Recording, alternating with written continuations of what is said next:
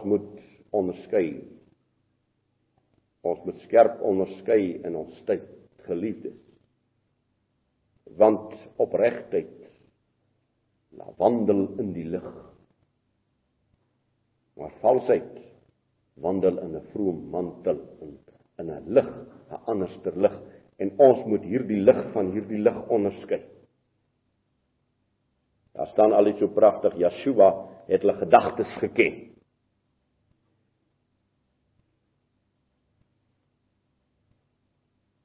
As 'n mens skerp kyk na mense, dan kan jy hulle gedagtes ken. Die volgende Waar jou skat is, sal jou hart ook wees. Daar is die ywerige werksame, altyd bereid tot offer. Altyd bereid. Maar dan is daar die beswaarmaker. Altyd vol allerlei verskoning. Redes wat hulle aanvoer om nie vir God werksaam te wees. As dit vanmôre gesing moet ek gaan met leë hande, moet ek so my Heer ontmoet. Laat dit vir u helder wees. Ek beskou nie koeksistik bak as werksaamheid nie. Maar dit is ook deel van my werksaamheid. Ek hoop jy verstaan wat ek nou sê. Daar is skure wat ek ook moet toets as bak vir die saak van Jare of vir die gemeente belange of vir die saamwees te eet en te noem op. Daar is ook 'n geleentheid. Maar werksaamheid, 'n vervaardigheid, bereidheid. En kom ons kom by die grond van werksaamheid wat U en my verlosser vir ons leer en dis die omgee vir mekaar. Dit is die saak. is daar 'n naam in u hart vir wie u bid. U is in die land. Is u werksaam in u gebed in die koninkryk saak? Baie dit was nog in my lewe. Dat ek so stil word, dan sien ek hulle uit my eerste gemeente uit. Wat saam met my gekniel het, ek weet nie meer waar in die land is nie. Ek weet nie of hulle eens meer lewe nie op hierdie aarde. Dan vra ek vir Jawe, is hulle nog op die pad? Is hulle wat met trane hulle oë, hulle harte vir U gegee het, is hulle nog op die pad? Het hulle nog koers?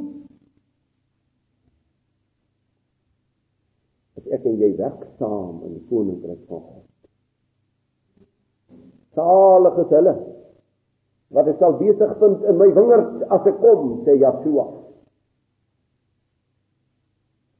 En u en my werksaamheid geliefdes is nie gebind aan ure nie. Om in die koninkryk van Jawe te wees is om werksaam te wees. As ek in die nag wakker word op my bed, dan is ek werksaam met God se koninkryk en se saak.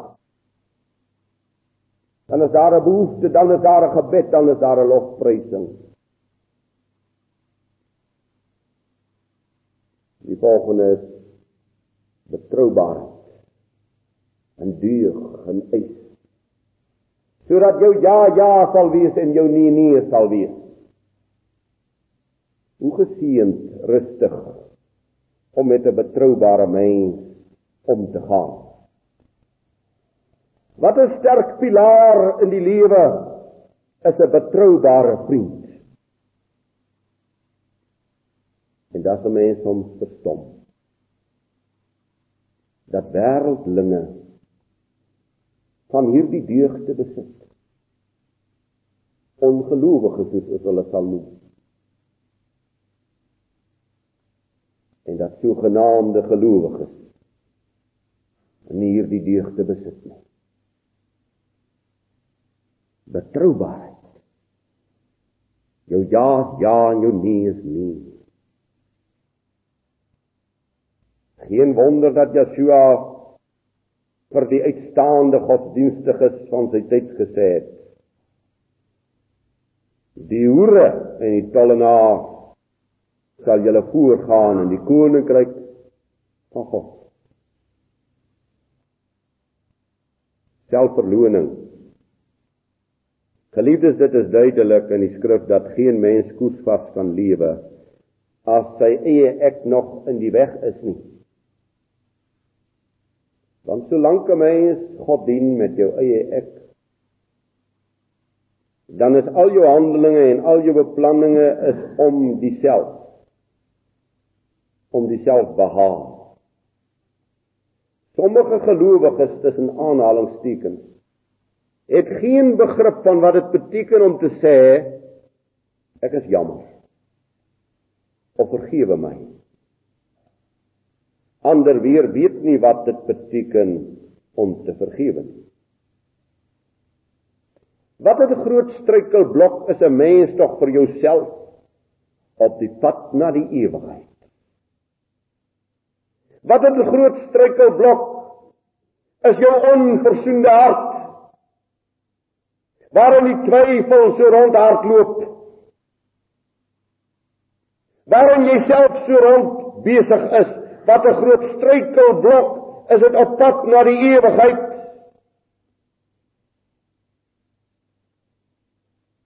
Het ons dan almal nog nie in Yeshua gesterf nie? En as ons in hom gesterwe het, dan leef ons nie meer nie. Maar dan lewe hy. En daarom sê Paulus so pragtig, ek leef nie meer nie. Want ek het gesterwe. Maar Yeshua.